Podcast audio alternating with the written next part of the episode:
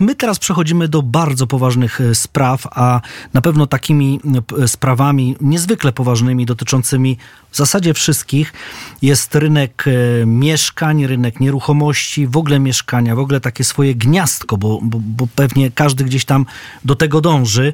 Jedni wynajmują, ale większość jednak kupuje, większość chce mieć swoje. I właśnie o to między innymi chciałbym spytać naszego gościa. Witam bardzo serdecznie pani, pani Justyna Łagowska. Współzałożycielka, właściciel firmy Times Estate, a więc rynek nieruchomości. Witam serdecznie. Witam serdecznie, witam Ciebie Grzegorzu, witam słuchaczy. No właśnie, sytuacja na rynku nieruchomo nieruchomości, bo wiemy, że jeśli jakikolwiek rynek z takich rzeczywiście ważnych weźmiemy pod uwagę, to ten nieruchomości jest bardzo dynamiczny i te ceny idą w górę, czasami są to wielkie jakieś rzeczywiście nagle skoki cen. Myślę tutaj też o takim rynku warszawskim, ale to też pewnie rzutuje na, na duże miasta w Polsce, prawda? Mhm. Wrocław, Poznań, Kraków. E, więc, więc jak to jest? Od, e, od czego to, skąd się bierze ten ruch? Dlaczego te ceny są tak windowane wysoko? Dlaczego nie ma na przykład tak dynamicznego spadku cen, Jakie są wzrosty? Mhm. E, już wyjaśniam. No teraz mm, dajmy sobie taki przykład e, ostatniej sytuacji, e, która miała e, miejsce e, właśnie w tym obecnym 2023 e, roku, kiedy w, wszedł ten kredyt dwuprocentowy. No i on tak naprawdę przyczynił się do tego, że te ceny momentalnie w zasadzie wzrosły. można było to zaobserwować już powiedzmy w drugim kwartale roku kiedy ceny mocno szły do góry. E, zatem właściciele, którzy wystawiali swoją nieruchomość na sprzedaż, powiedzmy na początku roku i była to cena dajmy na to taka jeszcze życzeniowa, no to bez problemu e, sprzedali swoją nieruchomość już e, w okresie wakacyjnym. E, także to jest powiedzmy ta jedna z przyczyn wzrostu tych cen. Teraz tak naprawdę no, te ceny, które właśnie na początku roku mogły być tak jakby jeszcze marzeniem, teraz tak naprawdę tutaj można powiedzieć, że w zasadzie większość mieszkań, które są wystawiane na portalach, sprzedaje się kolokwialnie mówiąc, jak świeże bułeczki. No, ale przecież obniżka stóp procentowych, prawda, to gdzieś tam uregulowała troszeczkę te ceny. No, czy one w pewnym momencie stanęły, e, czy wręcz zaczęły, zaczęły nie wiem, spadać, czy, czy, czy to tylko takie Spadać nie zaczęły mhm. i być może sytuacja ta się zmieni w roku następnym. E, natomiast jeżeli chodzi o to, jak one wyglądają teraz, mm, myślę, że tutaj mm, jakby mówiąc o rynku warszawskim, one teraz sobie stanęły w miejscu i ten koniec roku zawsze jest powiedzmy tym takim ostatnim dobrym momentem na sprzedaż czy zakup nieruchomości, dlatego że ludzie też nie wiedzą, co się będzie działo później. Teraz, tak? Teraz, Teraz. trzeba. Mhm. Dokładnie, dokładnie. Dlatego my tutaj e, też polecamy swoim klientom, którzy przymierzają się do sprzedaży swojej nieruchomości żeby podjęli wszelkie kroki, e, aby domknąć te formalności już teraz w tym roku, a klientów kupujących nie brakuje. A jak ile wynosi teraz cena za metr kwadratowy w Warszawie? Oj, to zależy od różnych czynników, e, o jakiej dzielnicy na przykład mówimy, o jakim metrażu, jaki jest to standard. Mhm. No to powiedzmy tak, e, tak widełkowo, no nie wiem, no dobra dzielnica, takie miasto w 15 minut, jak na przykład Ursynów, mhm. wszystko się tam załatwi, w zasadzie nie trzeba wyjeżdżać, plus metro, mhm. prawda, to jest ważny czynnik. No czy oczywiście Żoliborz pewnie, no bo to gdzieś tam e, rzeczywiście zawsze był piękny Żoliborz, e, nawet artyści o tym śpiewali, mhm. co jeszcze, Mokotów, no to weźmy tak te trzy dzielnice. Zaczynając od Ursynowa e, na początek, e, sypialnia Warszawy faktycznie dobra komunikacja e, z centrum, jeżeli mówimy o mieszkaniach do remontu, e, to powiedzmy oscylowałabym wokół e, tak 13 do 16 tysięcy za metr kwadratowy. Przy takim metrażu średnim powiedzmy 40-50 metrów. Natomiast jeżeli chodzi o mieszkania w dobrym standardzie do wprowadzenia, mm, no to już e, ta cena powiedzmy około 17-18 za metr będzie, będzie taką ceną realną. Dalej mieliśmy Żoliborz. Żoliborz, jeżeli chodzi o taką e, ciekawostkę, to jest to teraz jedna z najdroższych dzielnic w Warszawie. Dlatego tutaj te ceny sięgają już e, około, czy nawet ponad 20 tysięcy za Ale metr. z czego to wynika? Dlaczego akurat Żoliborz? Myślę, że wynika to z obecnej mody, która w tym momencie jest. Bardzo dużo też, e, powiedzmy, inaczej. Bardzo mocno ten Żoliborz w ostatnich latach się rozbudował. E, Możemy powiedzieć, że jest to taka enklawa warszawska. E, No i każdy, kto e, gdzieś tam ma do czynienia z centrum, a chciałby jednak od tego centrum na co dzień troszeczkę odejść, ucieka w stronę właśnie tego Żoliborza. No i chyba przez ostatnie 8 lat to była najbezpieczna, najbezpieczniejsza dzielnica w Warszawie. Zawsze dużo policji tam było, szczególnie wokół jednej nieruchomości, prawda?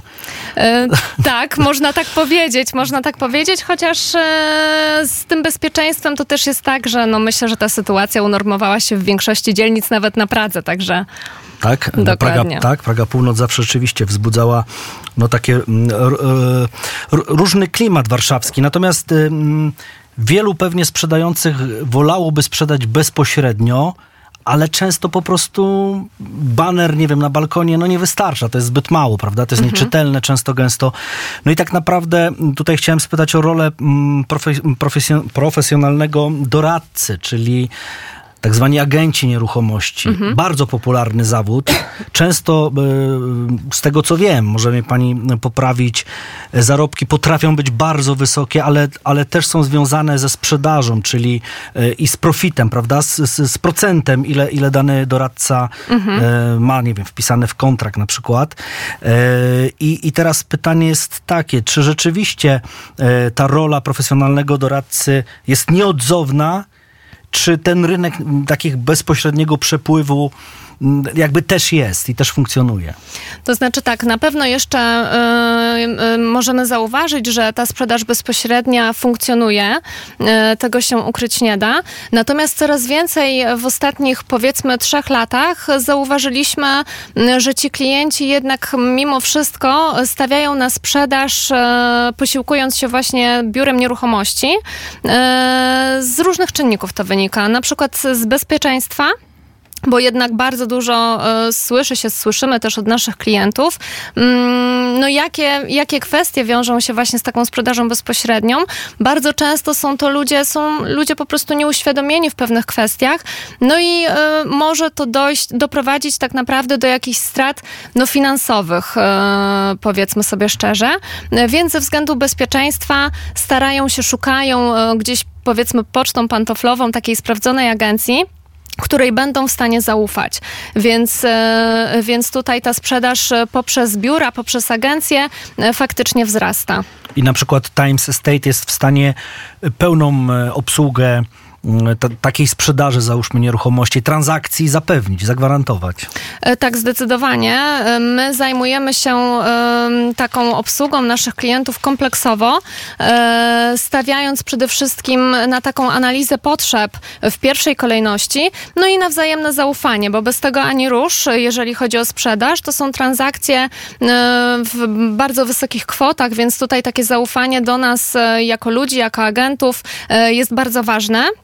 E, Działa to również w drugą stronę. My także musimy zaufać e, tym naszym klientom, e, żeby to miało po prostu ręce i nogi, żebyśmy mieli tak jakby pole manewru, żeby do tej transakcji doprowadzić. A wtedy sprawdzacie hipotekę, sprawdzacie, czy nie jest czymś obciążona, czy nie ma jakiegoś innego właściciela. Tak, jak najbardziej. Tutaj e, sprawdzanie dokumentów, e, sprawdzanie nieruchomości, e, pomoc w zbieraniu dokumentów potrzebnych do transakcji to jest e, jeden z naszych obowiązków e, w drugiej kolejności.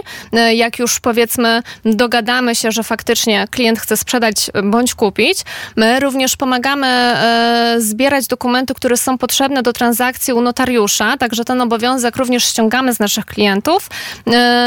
I co więcej, jesteśmy w stanie też, jeżeli ktoś, wiadomo, różne są sytuacje, jest poza zasięgiem, nie ma czasu, nie ma problemu.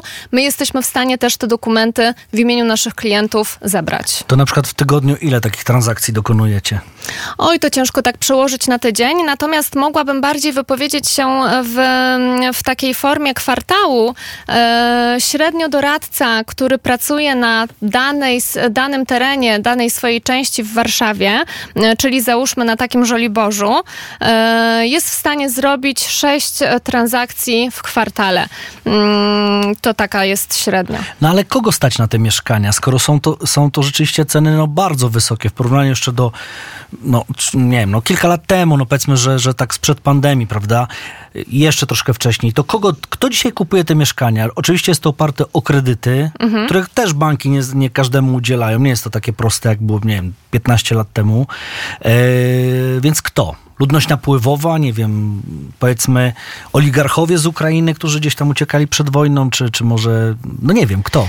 Yy, nie, nie aż tak, nie aż tak strasznie to wygląda, nie aż tak strasznie jest, jak wygląda, yy, ponieważ yy, większość naszych klientów, tak jak właśnie w, wspominałeś, to jest tak, że, że są to klienci kredytowi. Mm, teraz właśnie ze względu na ten program e, wsparcie rządowe z, z kredytem dwuprocentowym, bezpieczny kredyt, e, faktycznie tych transakcji e, jest znacznie więcej. No i te warunki, które trzeba było spełniać, bardzo dużo młodych ludzi właśnie w przypadku pierwszego mieszkania spełniało.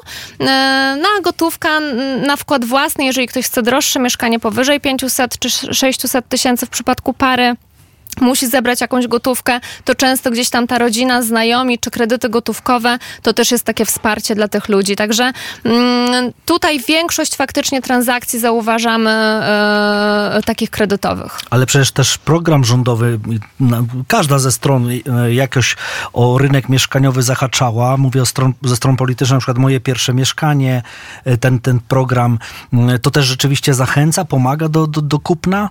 Nie każdy się też jakby kwalifikuje, prawda? Prawda? Tak, oczywiście. Wiadomo, że nie jest to jakby dla każdego e, stworzony program. E, żaden nigdy nie był i pewnie nie będzie. Natomiast e, co można powiedzieć, jakby faktycznie jest to zachęta, e, chociażby pod takim kątem, że jeżeli dana osoba mm, słyszy o tym programie, e, myśli sobie w sumie tak na pierwszy, na pierwszy rzut oka kwalifikuje się, zaczyna o tym czytać, zdobywa wiedzę, czy zwraca się właśnie do specjalistów, na przykład doradców kredytowych, no i tutaj e, obmyślają wspólnie plan, co zrobić, żeby faktycznie na ten kredyt się załapać. I jak już tutaj pojawia się ta nadzieja, że a może mi też się uda kupić to swoje własne cztery kąty, e, no to już tutaj jesteśmy w stanie jakby e, podjąć jakieś działania, które faktycznie doprowadzą do tego, że ten kredyt uda się zdobyć. Bardziej kupować czy wynajmować? E, a to zależy już od preferencji. Ja osobiście e, jestem zwolenniczką e, zakupu nieruchomości, e, jeżeli jest taka możliwość. Natomiast z wynajmem, powiedzmy, jest to bezpieczne rozwiązanie. Dlatego, tak jak mówię, tutaj no, ten rynek pozostawia taką dowolność, że każdy wybiera po swojemu. A jak wygląda współpraca z deweloperami? Wy macie jakiś kontakt z nimi, czy to już po prostu na przykład sprzedajecie mieszkania, kiedy oni udostępniają na rynku? Czy na przykład możecie coś zasugerować, nie wiem, komuś, powiedzmy, kogo znacie, jakiś przys przysłowiowy JW Construction na przykład, prawda? Mhm. I na przykład sugerujecie, no tam, w, tym, w tej dzielnicy to, to jednak te mieszkania są za duże, róbcie mniejsze i tak dalej, i tak dalej. Czy jest jakaś współpraca, czy nie? Jeżeli chodzi o nasze biuro nieruchomości, to my takich współprac nie zawieramy. My zajmujemy się jedynie rynkiem wtórnym. A inni zawierają, tak? Tacy, którzy mają rynek pierwotny? E, są to na pewno jakieś e, kontrakty z deweloperami. E, są nawet platformy dla biur nieruchomości, które, które jakby oferują, są oferowane przez deweloperów. I faktycznie są biura, które mają również w swojej ofercie mieszkania z rynku pierwotnego. U nas faktycznie takie się znajdą, natomiast w naszej firmie jest jedna reprezentantka, powiedzmy jeden doradca, który takie współpracę ma mhm. z deweloperami, ale tak jak mówię, to raczej jest mniejsza część. No i powiedzmy tak na koniec jeszcze bym spytał o te sposoby zabezpieczenia przed nieuczciwymi praktykami przy zakupie, wynajmie, bo, bo jakby wy rzeczywiście poniekąd chronicie klienta, więc, więc jakie są te praktyki zabezpieczeń? Sposoby mhm. zabezpieczeń. Mhm. E, jeżeli chodzi o e, najem nieruchomości, no to na pewno tutaj rekomendowałabym umowę najmu okazjonalnego, e, która tak jakby się bliżej przyjrzeć, chroni na pierwszy rzut oka. Natomiast no, jeżeli faktycznie pojawia się jakiś grubszy problem z tak zwanymi dzikimi lokatorami, no to niestety to też jest trochę do obejścia. Także no tutaj osoba, która wynajmuje swoją nieruchomość, jakieś ryzyko ponosi, mimo wszystko. Natomiast jeżeli chodzi o e, zakup e, nieruchomości e, czy sprzedaż, no przede wszystkim wszelkie ustalenia, które są pomiędzy stronami, zanim dojdzie do transakcji, należy spisać wcześniej podczas tak zwanej umowy rezerwacyjnej. Umowa rezerwacyjna jest zawierana w momencie, jeżeli wszelkie ustalenia które gdzieś tam podlegały negocjacjom, czy to jest cena, czy wyposażenie e, nieruchomości, e, czy też terminy, e, jeżeli strony są zgodne z danym terminem i tak dalej, i tak dalej. Jeżeli to wszystko mamy już ustalone, podpisujemy sobie taką umowę rezerwacyjną, która jest poparta zadatkiem ten zadatek e, wbrew powszechnej opinii nie zawsze wynosi 10%. E, my sugerujemy tutaj e, taką kwotę bardziej symboliczną, ale na tyle wysoką, żeby jednak dwie strony miały zabezpieczenie, że żadna raczej bez powodu się już z tej transakcji nie wycofa. Czasami pierwszy czynsz, prawda? Na przykład wysokość? E, przy, e, przy sprzedaży to są jednak troszkę wyższe tak, kwoty. Tak, tak, Bardziej wyższe. bym sugerowała około 5-10 tysięcy. E, ja też znam taki przypadek byłego piłkarza Legii, Tomasz Kiełbowicz, który wynajął swoje mieszkanie no, komuś i ten ktoś notorycznie nie zalegał z opłatami, nie płacił po prostu. Po jakimś czasie zrobiła się z tego głośna sprawa. On nie mógł się doprosić swego, on po prostu ich chciał eksmitować, mhm. ale nie mógł.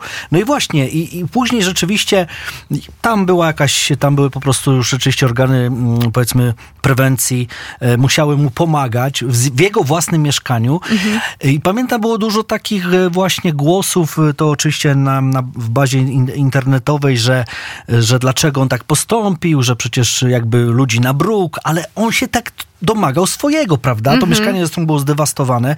No i teraz mam właśnie pytanie, czy tak rzeczywiście może być, że taki ktoś wchodzi do mieszkania i później przez rok go nie ruszysz? E, może tak być, faktycznie. E, zdarzają się takie sytuacje niestety, ponieważ e, jest coś takiego jak prawo lokatorskie.